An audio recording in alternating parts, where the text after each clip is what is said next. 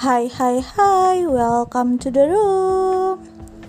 Oke, episode kali ini Aziza Azeharum kedatangan tamu Penulis cantik dan kece tentunya.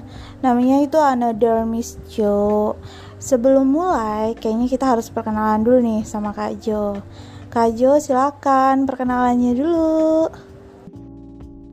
Halo semuanya Aku Nadar Miss Jo atau biasa disapa dengan Jo. Aku tuh rutin nulis di aplikasi eh, di platform online, Wattpad dan Storia. Kalau gitu boleh dong Kak Jo spill nih uh, nama username-nya di Wattpad sama Storia apa? Akun aku di Wattpad dan Storia sama Nadar Miss Jo. Jangan lupa di follow ya kalau misalkan kalian punya dua aplikasi itu dan jangan lupa juga dibaca. Ini sedikit promosi sih. Uh, Kak Jo, aku penasaran deh sama arti atau mm, dibalik kisah nama Another Miss Jo itu apa sih gitu loh? Sebenarnya sih nggak ada arti yang spesifik banget sih ya, tapi Jo itu adalah uh, marga dari keluarga aku cuman aku singkat jadi Jo. Dan Another Miss itu cuman kayak tambahan di depan aja karena kan uh, banyak juga tuh yang namanya Jo kan. Tapi kan jadi aku tambahin aja jadi Another Miss Jo. Jadi kayak ini adalah Miss Jo yang lain gitu loh gitu. Itu aja sih. Jadi memang nggak punya arti yang spesifik tapi cuman yang Jo-nya aja itu adalah marga keluarga aku gitu Jo, ini kan kita judul podcast kali ini tuh kan nulis cerita dari pengalaman pribadi. Nah, boleh dong Kak Jo ceritain sedikit, ada nggak sih cerita Kak Jo itu yang berdasarkan dari pengalaman pribadi atau pengalaman sekitar deh gitu? Ada, ada, uh, ada sih beberapa, tapi nggak bener-bener full memang kejadian uh, yang pernah terjadi di hidup aku ya. Maksudnya memang ada mungkin satu atau dua adegan yang aku masukin ke san ke cerita itu. Uh, kalau boleh tahu nih, salah satu aja cerita mungkin yang lagi ongoing saat ini tuh ada nggak sih? Uh, terus boleh nggak sih kasih tahu judul ceritanya apa? Terus uh, apa inti ceritanya ya dikit aja sih jangan spoiler spoiler banget biar pendengar kita nih tahu gitu loh ada judulnya yang lagi ongoing ini tuh yang lagi aku tulis rutin adalah judulnya Heart Mark dan itu cerita tentang uh, toxic relationship ya. Ya itu aja sih, karena kan katanya nggak boleh spoiler, jadi aku cuma kasih clue toxic relationship. Tapi ini dalam pernikahan. Seperti itu. Judulnya Heart Mark ya, Kak Jo. Uh, aku jadi ingetnya kisah dong. Enggak emang ini tuh terinspirasi dari kayak kan aku tahu ya Kiss Mark itu kan uh, dalam versi yang lebih dewasa gitu kan. And then aku ubah kissnya jadi heart ma jadi heart jadi hati gitu kayak. Jadi oh ya udah kenapa nggak heart mark aja? Kenapa? Karena kalau kiss mark kan terlalu gimana gitu. Jadi aku ganti depannya. Oke okay, oke. Okay. jadi aku nggak salah ya mikirnya ke sana Enggak, enggak salah. Memang mungkin sebagian pasti mikirnya kayak heart mark ini kan kayak mirip-mirip kiss mark ya. Um, Kak Jo, kenapa sih milih tema toxic relationship gitu kan? Oke, okay, memang uh, sekarang tuh lagi rame banget soal toxic relationship gitu. Tapi apa sih yang membuat Kak Jo ngangkat tema cerita itu gitu loh? Ini kan aku agak kayak curhat sih ya. Ini kayak curhat dikit. Jadi aku itu pernah berada di fase toxic relationship ini, pernah ketemu sama sosok seperti karakter utama laki-laki yang aku tulis di cerita Heartmark ini. Jadi aku pernah ngerasain ketemu laki-laki seperti itu. Cuman kan kalau dalam versi Heartmark ini kan versi pernikahan ya. Kalau aku waktu itu masih pacaran aja, pacaran-pacaran aja. Terus ya karena aku ngalamin itu, kenapa aku nggak share tapi dengan cara aku tulis dalam versi yang berbeda cuman memang emang menunjukkan kalau sifatnya adalah seperti si tokoh utama ini. Nama tokoh dalam Heartmark ini namanya Belgiano. Nah, aku ceritain karakternya si Belgiano ini mirip sama seseorang yang pernah uh, singgah di hati aku lah ya. Sekarang mah udah pergi gitu. Oke, jadi intinya Kak Jo pernah mengalami toxic relationship itu sendiri ya, Kak? Pernah, pernah beberapa kali sih, pernah. Pernah ada yang sampai uh, pernah sih sampai yang mukul ada. Terus ada yang cuman dia nggak mukul tapi verbal abuse itu ada juga. Terus ada juga yang bener-bener kayak gimana ya maksudnya kayak dia bener-bener kasar banget tuh ada aku pernah beberapa kali ketemu orang yang kayak gitu sih ya bertemu dengan orang yang salah pasti setiap orang pasti pernah sih ya Iya atau ada juga yang belum pernah ya jangan sampai juga ketemu orang kayak gitu. Tapi ya kalau sampai mukul itu udah kayaknya kekerasan ya kak. Soalnya gimana ya kalau aku pribadi sih aku belum pernah ketemu yang main tangan mukul kayak gitu. Tapi kalau misalnya uh, lebih ke verbal kayaknya banyak ya ketemu yang kayak gitu cowok. Beberapa kali juga aku pernah uh, ngerasa kayak di apa ya? diremehkan lah secara verbal dengan si cowok ini. Padahal statusnya dia pacar kita. Cuman uh, kalau mukul aku kayaknya belum deh. Ini Kak Jo gimana sih? Kok bisa gitu loh? Ketemu sama cowok yang kasar banget kayak gini gitu. Itu dia. Aku juga bingung gitu kan. Aku juga nggak pernah berharap ketemu laki-laki seperti itu ya. Cuman ternyata memang ketemunya laki-laki yang kasar gitu. Dia mukulnya sih memang nggak mukul yang sampai berdarah-darah atau gimana nggak. Dia menampar sih menampar kayak mungkin ya mungkin aku juga berpikir mungkin aku ada salah atau gimana. Cuman maksud aku kalau memang aku salah kan caranya bukan dengan dipukul ya. Karena orang tua aku aja tuh nggak pernah mukul gitu. Terus setelah ketemu laki-laki itu terus aku jadi kayak agak takut-takut juga. Dan tapi akhirnya sih ya putus. Karena aku merasa kayak oh ini nggak benar gitu. Apalagi dia pernah juga ngancem kayak selain suka mukul dia tuh kayak suka ngancem. Kalau misalkan aku chattingan sama cowok lain tuh dia tuh dia nggak lihat gitu ya. Misalnya aku chattingan sama cowok lain tuh kayak teman aku atau teman aku yang perempuan deh ya. Dia nggak lihat terus dia bilang gini kalau kamu kayak gitu lagi nanti handphonenya aku banting loh. Dan aku langsung kayak wow dia sampai berani pengen banting handphone aku gitu. Dan dia cerita juga pernah banting handphone mantannya karena dia nggak dikasih lihat chat apa gitu. Ya itu kan berarti udah parah gitu. Aku juga pernah sih ngalamin hal yang bener-bener gak enak kayak dia pernah nyumpel tisu sih di mulut aku gara-gara aku pengen ngomong apa gitu. Tapi emang dia di stop dengan cara kayak gitu. Dan itu menurut aku itu udah terlaluan banget keterlaluan. Ya udah akhirnya putus dan hubungannya juga nggak berjalan lama juga karena aku sadar kalau aku sudah berada di situasi yang memang tidak sangat-sangat buruk gitu Wah itu benar-benar udah parah tuh, parah banget. Jangan sampai Kak Jo spill nama cowoknya ya, nanti aku bisa maki-maki dia nih, bahaya. Jangan ya, udah cukup diem aja. Tapi ya aku salutnya sama Kak Jo itu gak Kak masih bisa buat pikir positif kan, terus putus nih dari dia, bisa lepas lah istilahnya. Sementara tuh yang aku tahu ya ada beberapa uh, sekarang nih ya aku lihat tuh ada beberapa orang yang justru udah disakitin berkali-kali udah dipukul segala macam. Mereka nggak bisa lepas nih dari si cowok ini atau si pacarnya itu. Itu menurut Kak Jo gimana sih gitu? Ada nggak sih tanggapan secara pribadi lah dari Kak Jo soal hal yang kayak gini? Ada sih kayak uh, ini yang aku bilang di cerita Heartmark ini. Nah, di Heartmark ini kan ceweknya namanya Kisi. Nah, si Kisi ini tuh memang dia ingin lepas dari si Belgiano ini tapi susah karena Belgiano ini terlalu dominan terus suka verbal abuse dan dia tuh kayak manipulatif jadi Kisi memikirkan cara untuk gimana nih gue bisa lepas dari si Belgiano tapi itu kan gak mudah dan ini juga yang aku alamin uh, waktu aku pacaran sama laki-laki yang lain tapi cuman yang verbal abuse aja Nah, ini tuh aku pacaran lumayan lama ya, kira-kira setahun lebih lah.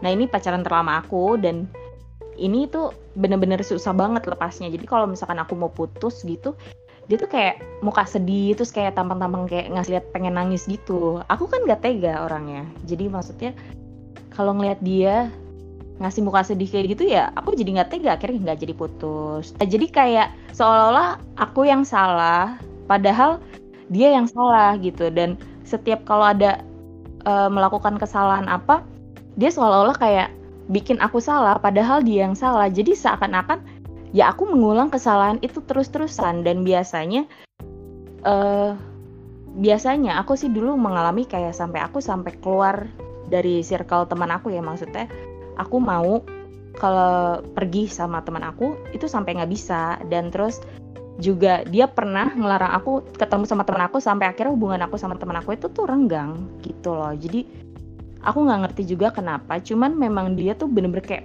memegang kita tuh kuat-kuat gitu loh. Jadi pasti ada beberapa orang yang ingin lepas juga pun susah karena memang gak gampang lepas dari orang seperti itu.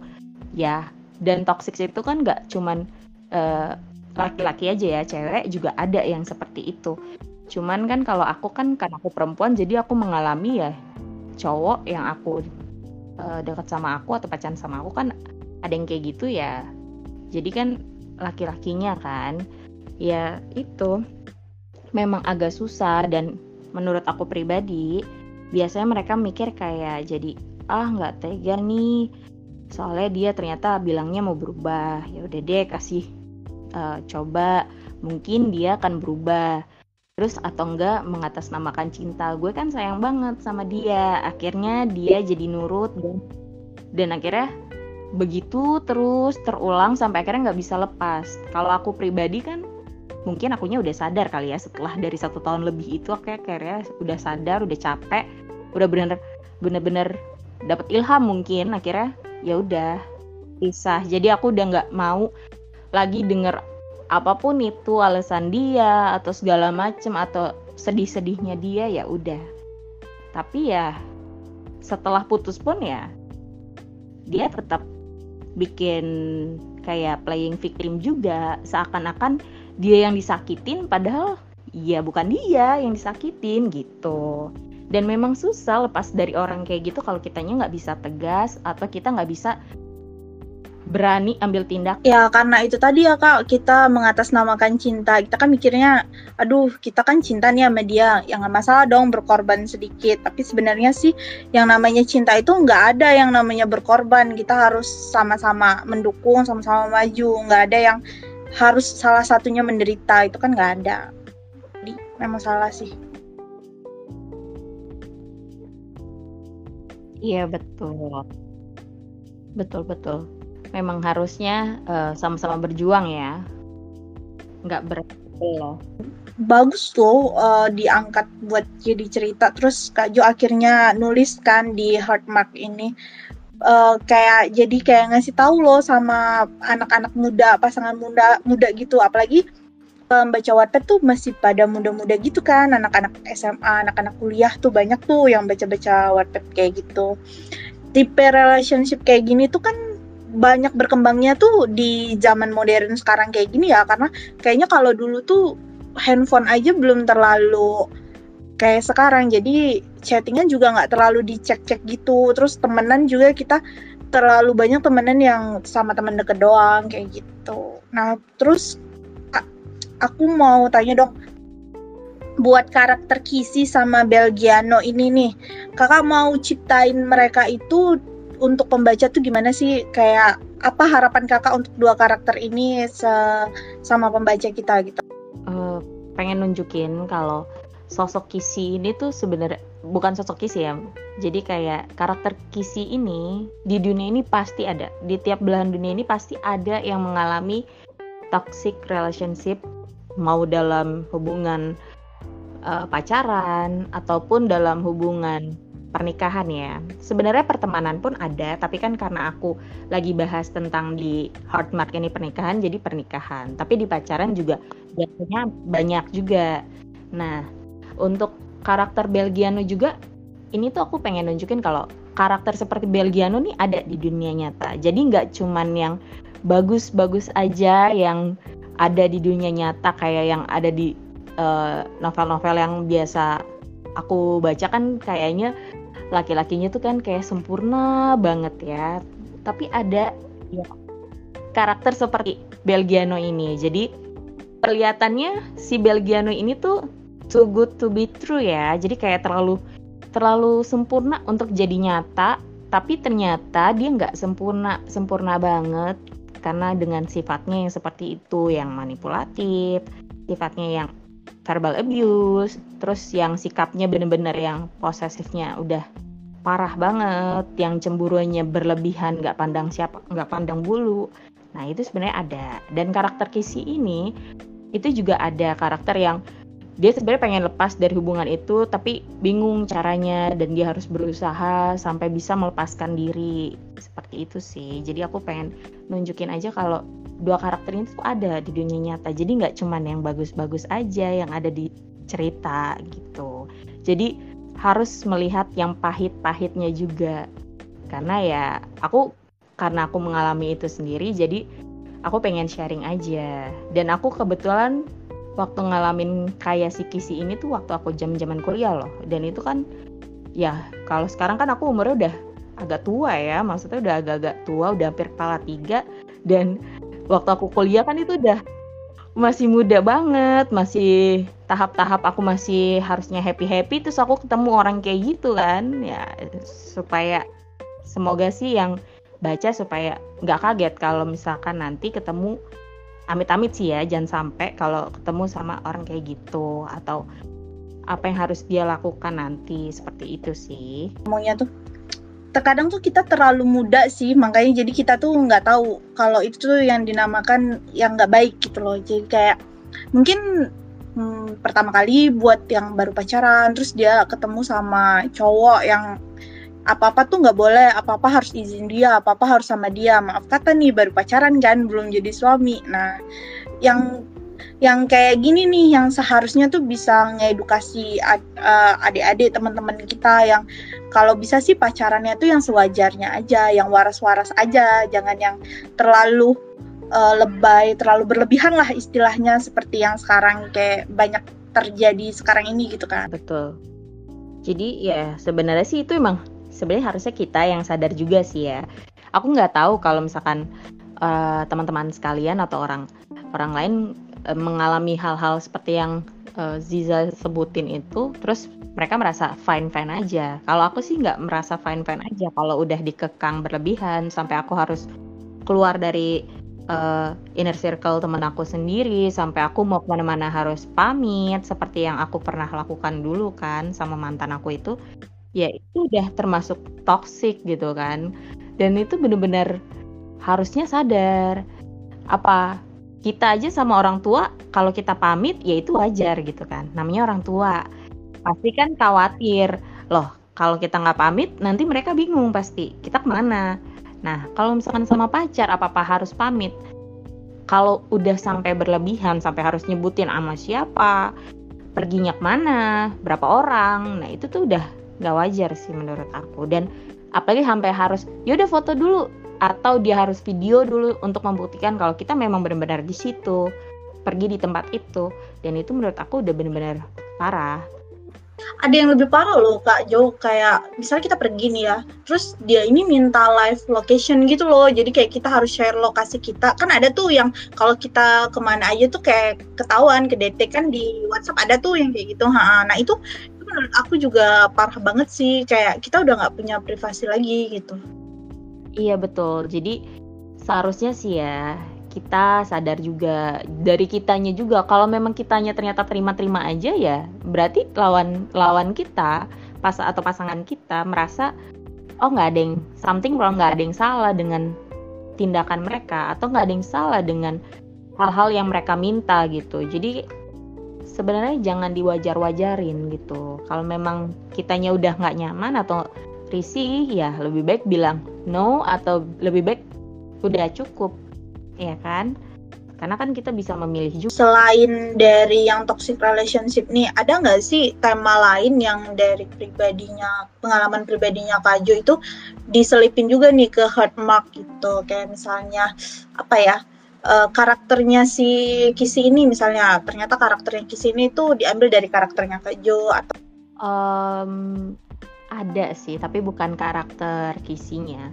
Kalau karakter kisi sih jauh dari aku, jadi beda lah ya. Kalau karakter kisi beda, tapi kalau yang seperti udah aku sebutin tadi, Belgiano ini adalah contoh dari mantan aku yang seperti itu, yang manipulatif, yang bener-bener posesifnya parah, yang bener-bener ya seperti yang udah aku sebutkan. Nah ada satu lagi karakter cowok yang dia namanya Belva. Dia selalu ada untuk si Kisi. Dia bersedia nolongin Kisi. Nah ini juga dari karakter yang bukan seseorang yang pernah pacaran sama aku bukan. Tapi memang dia pernah dekat dan dia yang selalu support aku untuk melakukan hal yang benar. Kayak kalau memang aku udah merasa nggak nyaman ya uh, harus aku harus tunjukin itu. Tapi kalau di sini Belva kan ada love interest gitu kan sama Kisi. Ada ketertarikan sama Kisi. Tapi kalau yang di karakter yang aku kenal secara nyata sih eh, nggak uh, ada ya. Maksudnya dia memang teman aku sahabat aku. Cuman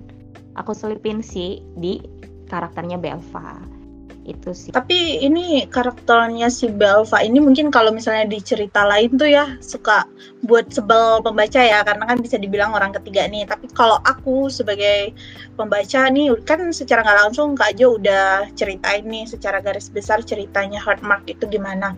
Tapi aku justru malah dukung si Belva ini sih kalau bisa sih ya si Kisi tadi lepas kan dari suaminya ya udah pilih Belva aja yang lebih baik. Oke, okay, tapi itu kan pemikiran orang beda-beda beda ya. Iya betul. Ada juga yang mendukung Belgi untuk supaya bisa segera berubah ada. Ya betul. Tapi untuk kalau menurut aku sih ya uh, berubah itu kan nggak gampang dan orang dengan sifat seperti itu, karakter seperti itu dia nggak akan bisa berubah kalau dia nggak mau mengubah dirinya sendiri. Atau dia nggak bisa berubah kalau dia nggak melihat ada yang salah dengan tindakannya. Kalau kita yang nungguin atau nyuruh dia berubah atau nunggu dia berubah sampai tahun kapan pun sampai tahun tiba-tiba aku duet sama Blackpink pun itu nggak akan terjadi juga. Jadi memang harus sadar sendiri. Pasti. Jadi jadi memang harus kesadaran sendiri sih. Jadi kalau kita maksa-maksa nungguin dia berubah ya capek aja. Capek udah capek hati capek pikiran pula kan. Jadi ya nambah-nambahin beban aja gitu. Kira-kira ada jadwal update-nya enggak nih kak buat Heartmark atau memang uh, semutnya kak Jo aja gitu? Atau ternyata tiap hari update gitu biar tambah semangat nih yang baca biasanya aku update tiap hari. Tiap hari. Tapi kalau tiap hari. Tapi kalau Sabtu dan Minggu kemungkinan besar nggak update. Cuman kadang-kadang suka aku update. Pacaran kah? Hari minggu hari minggu biasanya family time. Tapi kalau hari sabtu itu tuh ya biasanya tuh hari-hari jalan sama pacar tuh biasanya.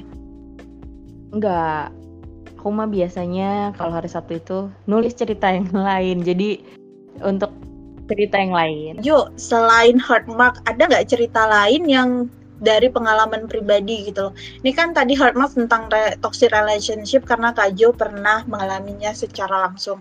Kalau cerita lain ada nggak sih Kak? Ada sih. Jadi uh, judulnya Boom Boom Heart. Nah itu kan cerita romantic komedi kan, cerita tentang anak-anak kampus lah ya. Nah aku, nah uh, tokohnya itu Sweetie sama Anatomy. Nah, si Sweetie ini aku ceritain sedikit ya tentang uh, Bom Bom Heart-nya.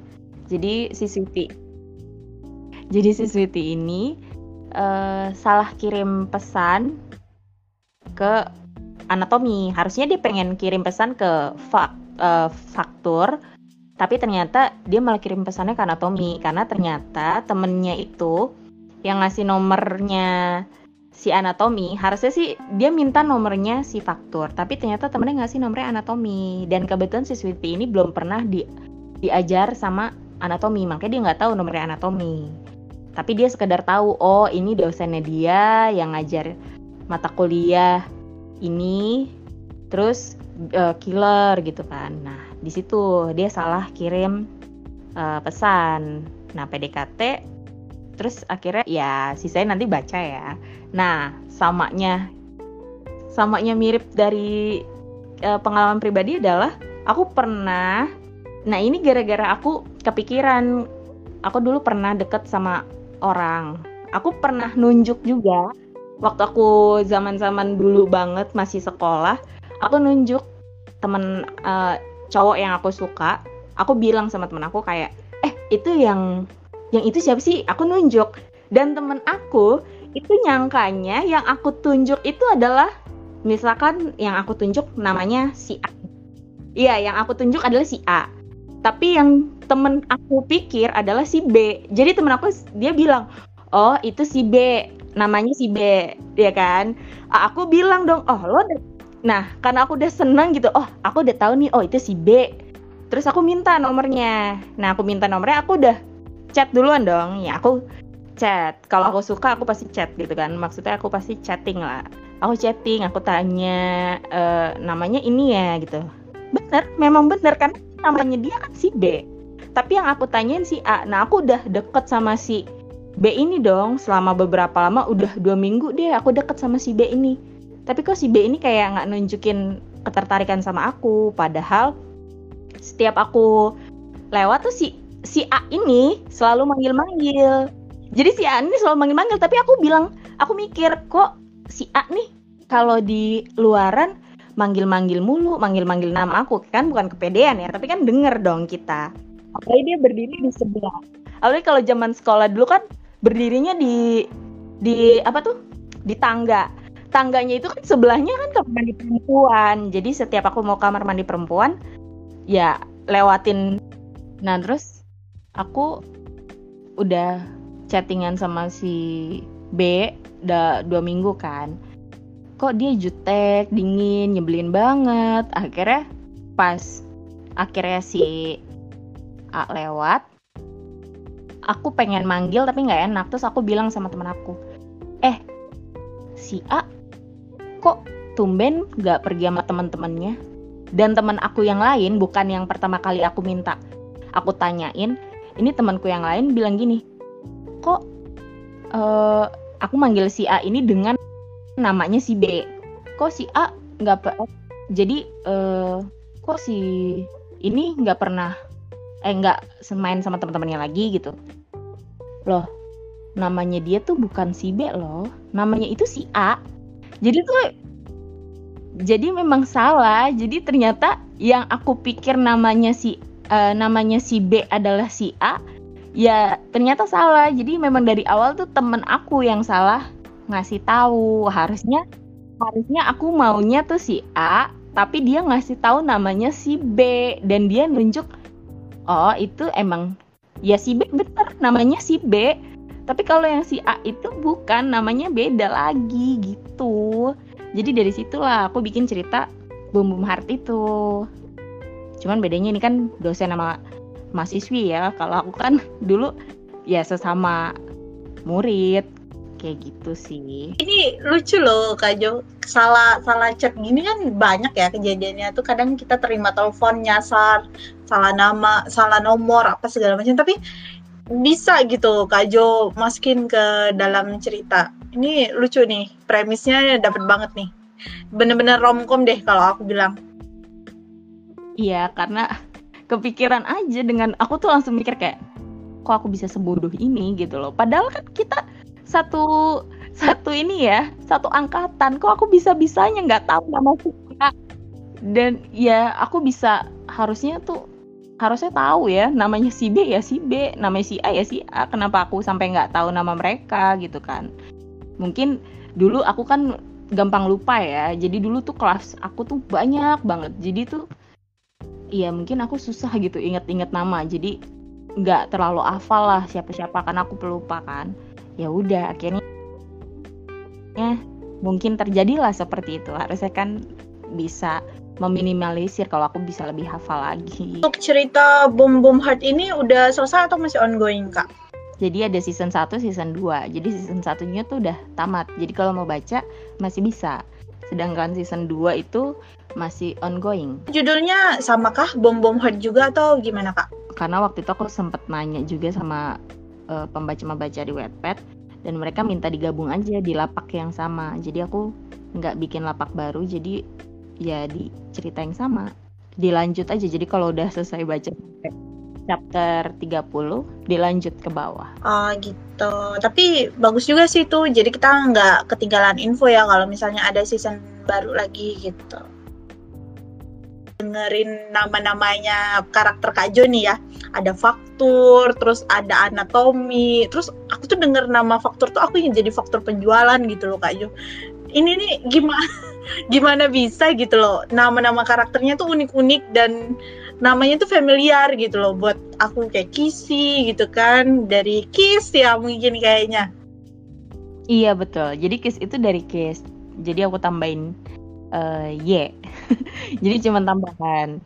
Dan anatomi itu sebenarnya tuh dosen aku tuh ada yang namanya anatomi. Jadi uh, tapi pembaca aku tuh ngira anatomi itu adalah singkatan dari nama orang tuanya si Anatomi kan di situ ada nama orang tuanya Anatomi, Cintami dan Anton. Padahal enggak. Aku keinget dosen aku aja yang agak-agak killer gitu. Oh namanya namanya memang Anatomi tapi dia nggak killer sih. Cuman oh ya udah aku pakai aja namanya Anatomi. Tapi orang-orang kayak ngira ini tuh anatomi tubuh atau banyak deh yang Iya, aku juga mikirnya tuh ke sana loh anatomi tubuh gitu loh. Kayak belajar IPA. Enggak. Iya itu kalau aku sih nggak kepikiran ke badan sih nggak pikiran ke tubuh. Karena kan karena kan aku anak IPS ya jadi kan aku nggak kepikiran ke sana. Dan kalau untuk kayak kisi kayak misalkan uh, siapa lagi ya? Belgiano gitu. Aku ingat aja sama coklat Belgia. Coklat Belgia kan enak ya jadi aku kepikiran aja oh jadi aku bikin aja Belgiano tambahin uh, no-nya. Dan biasanya aku kalau bikin karakter nama memang aku cari yang bener-bener uh, unik dan beda. Kenapa? Soalnya tuh biar nanti tuh kayak aku tuh pernah di komen di cerita aku. Namanya aku aku lupa itu di uh, cerita mana. Itu dia pernah salah ada pembacaku tuh pernah ngomong gini eh si A ada di sini. Dia dia dia nyebutin karakter yang ada di cerita orang lain nyebutin di lapak aku jadi kayak uh, mung ya aku tahu sih. Berarti itu kan membekas banget di ingatan dia cerita lainnya itu ya. Tapi kan aku sebagai penulis kayak oh padahal aku baru nulis kan gitu. Terus aku lihat komentar itu oh jadi uh, namanya pasaran nih berarti semua orang bakal pakai. Dan ya memang sih sebenarnya kan nama memang pasaran ya. Nama nama nama nama kita aja kan pasti pasaran siapa pun pakai gitu kan. Cuman karena aku pingin sesuatu yang beda supaya orang-orang uh, tahu kalau ini adalah karakterku dan udah jadi ciri khas aku jadi aku bikin karakter dengan yang namanya yang memang agak nyeleneh-nyeleneh tapi masih masuk akal. Dan aku lihat juga nama nama-nama anak artis tuh unik-unik loh. Jadi aku merasa kayak oh iya kan? Jadi aku merasa ah nggak cuman nama ceritaku aja yang unik. Nah nama anak-anak artis juga pada unik-unik dan itu bagus-bagus. Jadi aku cari yang bener-bener masih make sense tapi uh, jarang dipakai kayak misalnya ada karakterku namanya tuh Hotelio. Hotelio itu tuh aku ambil dari hotel tapi aku tambahin ya hotel tapi aku tambahin io jadi i sama o nya. Jadi aku tambahin. Ada juga yang namanya neraka sara. Neraka sara itu kan aku kayak inget oke okay, aku inget neraka dan aku iya. Dan karena dia adik kakak jadi aku tambahin kakaknya tuh heaven. Harusnya sih paradise ya tapi kan aku jadi aku bikin heaven jadi neraka neraka dan surga gitu kan. Ternyata uh, sepupuku tuh punya temen. Temennya tuh anaknya surga. Ada loh yang namanya surga. Jadi teman-teman jangan jangan merasa karakter-karakterku nih namanya udah aneh-aneh banget. Padahal di, dunia nyata tuh banyak. Ada yang namanya surga. Beneran itu? Kan nama yang unik itu tuh sebenarnya ada. Cuman kan ya kita mungkin nggak menemukan itu. Soalnya emang nama kayak gitu tuh banyak gitu loh. Aku lihat nama artis-artis juga banyak uh, contohnya ya kayak misalkan anaknya Meli Guslau kan ada tulisan anakku kalau nggak salah namanya Iya kan. Jadi itu soal yang nama unik itu ya kak. Memang beneran ada kak di dunia nyata. Aku sendiri sih ngalamin nih. Karena aku beberapa kali sempat pacaran sama cowok yang namanya unik-unik. Kayak namanya Dubes tuh singkatan dari kan orang taunya duta besar ya. Padahal tuh singkatannya bukan dari duta besar da, karena dia lahirnya bulan 12 terus tanggalnya juga tanggal 12 jadi sama orang tuanya itu dikasih nama Dubes singkatan dari 12 terus aku punya juga satu lagi mantan namanya tuh Bangkit. Ini benar-benar lucu loh namanya Bangkit gitu kan. Nama orang Bangkit gitu loh. Iya kan jadi kan sebenarnya unik-unik itu banyak. Waktu itu kayaknya ada deh di TV masuk ya. Namanya namanya Tuhan kan? Berarti kan ya emang udah dari dulu. Di nama itu masuk akal dan masih bisa dijadikan nama ya kenapa enggak ya?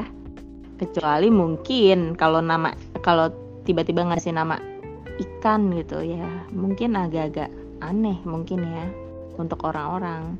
Karena nggak mungkin kita manggil ikan. Jadi ya iya diubah karena aku pernah ngasih karena aku ada juga sih ngasih nama tulangga. Itu dari tulang. Itu kalau misalnya karakter kamu hidup beneran ada nama orang tulangga aku nggak kebayang dede dia ajakin temennya tuh gimana. Namanya tuh tulangga Ipan. Dan aku mikir kalau aku kasih nama ikan itu nggak make sense banget. Jadi ya udah jadi aku ganti Ivan. Jadi tulangga Ivan tadi maunya buat tulangga ikan gitu? Tulang ikan dong. Iya. Tapi tapi pembacaku kayak udah tahu gitu loh. Kayak mereka udah tahu ini pasti mau dinamain ikan nih tapi jadi Ivan. Ya udah. Dan itu ya tapi emang seru sih kalau tapi mereka jadinya tahu sih kalau itu adalah cerita-cerita aku adalah oh nama apa lagi nih yang bakal keluar dari si Jo? Nah aku seneng sih ketika mereka bilang kayak gitu karena mereka menanti aku akan kasih nama siapa ya gitu. Tapi bagus sih itu memang kayak ya kita punya ini sendiri ya apa khas sendiri. Kalau kita buat uh, nama karakter tuh yang unik-unik terus cuman kita yang punya jadi ya pembaca lebih gampang mengingatnya ya kayaknya. Betul betul dan itu akan jadi ciri khas. Sama aja kayak cover misal cover buku. Misalkan cover bukunya kita gambarnya cuman gambar orang uh, sendiri dan itu ilustrasi. Terus kita pakai dengan sama gitu kan. Seperti buku-bukunya Terelie itu kan khas banget. Jelas itu khas banget. Itu adalah uh, bukunya Terelie dengan cover yang sama kan seperti itu. Dengan desain yang mirip-mirip ya itu ah, menandakan adalah itu bukunya dia. Gitu. Jadi menurut aku itu penting juga Nah Kak Jo, nih sebelum penutupan nih Kak Jo ada nggak sih mau kasih sedikit tips atau motivasi gitu buat pendengar yang pengen juga jadi penulis gitu? Atau mungkin pendengarnya ada yang pembaca Wattpad juga pengen nulis tapi maju mundur maju mundur gitu. Kak Jo ada nggak sedikit tips atau motivasi itu? Uh, jadi aku pengen bilang sih untuk uh, yang ingin menulis, yang baru ingin menulis ataupun yang sedang berjuang menulis dan kayak merasa males kan biasanya suka males gitu ya. Sama kayak aku kadang-kadang suka males juga sih males nulis. Karena mood uh, mood-moodan juga kan pasti kita kayak gitu. Nah jadi menurut aku sih kalau misalkan lagi menulis ini supaya moodnya tetap bagus dengerin dengerin lagu atau sebelumnya tuh nonton yang bikin happy gitu. Mungkin cerita-cerita yang uh, banyak komedinya. Jadi kan mood kita lebih bagus. Dan satu lagi sih jangan patah semangat. Setelah oh nggak satu lagi masih ada satu lagi. Aku cuma mau bilang jangan pernah bandingin cerita kita dengan cerita orang lain karena itu nggak akan ada habisnya. Karena kalau kita bandingin oh ceritanya dia kok bagus ya? Ah cerita dia kok gitu aja tapi kok bisa meledak? Atau ah cerita dia tuh kok bisa sampai seba sampai banyak yang baca? Atau sampai uh, komentarnya ribuan segala macam segala macam itu tuh nggak akan ada habisnya dan itu cuma bisa bikin kita kayak makin rendah diri makin down makin down makin males. Jadi kalau menurut aku tetap aja nulis adapun yang baca ataupun nggak ada yang baca ada yang komen atau nggak komen tetap nulis. Karena semua usaha itu berawal dari nol dan itu akan pelan-pelan akan um, membuahkan hasil kok. Karena aku dulu juga begitu usahanya ya ya udah nulis aja dulu. Terus aku promosi promosi. Nah ya itu juga. Kalau memang mau promosi ya itu juga boleh. Jadi harus sih promosi karena supaya dapat pembaca baru juga seperti itu sih dari aku untuk penulis dan untuk pembaca-pembaca aku ataupun bukan pembaca aku juga semoga kalian suka sama tulisan yang aku ciptain yang aku suka tulis di Wattpad ataupun di Storyal. Semoga kalian menikmati ceritanya dan bisa kalian petik eh, hal-hal uh, yang baik. Yang buruknya dibuang aja, tapi kalau yang baiknya diambil, disimpan ya mungkin bisa untuk pembelajaran kalian sendiri. Terima kasih juga kalau kalian selalu dukung aku karena aku tahu tanpa kalian aku bukan apa-apa. Terakhir, aku mau ucapin terima kasih sama Kajo karena udah mau repot-repot meluangkan waktunya bersama aku ngobrol-ngobrol di sini di Aziza Harum. Thank you banget Kajo, sukses terus ya sama semua cerita dan tulisannya. Sama-sama Aziza, makasih juga udah undang aku di acaranya Aziza. Semoga Aziza semakin sukses juga nulisnya. Dan sukses juga untuk podcastnya ini ya. Aku tunggu loh. Aku tunggu kabar baiknya sebagai podcast terkenal nanti. Amin. Terima kasih doanya Kak Jo. Aku bakalan undang Kak Jo nih di next time lagi. Kalau begitu, sebagai penutup aku mengakhiri ini dengan salam sapa. Bye bye. See you next time Kak Jo.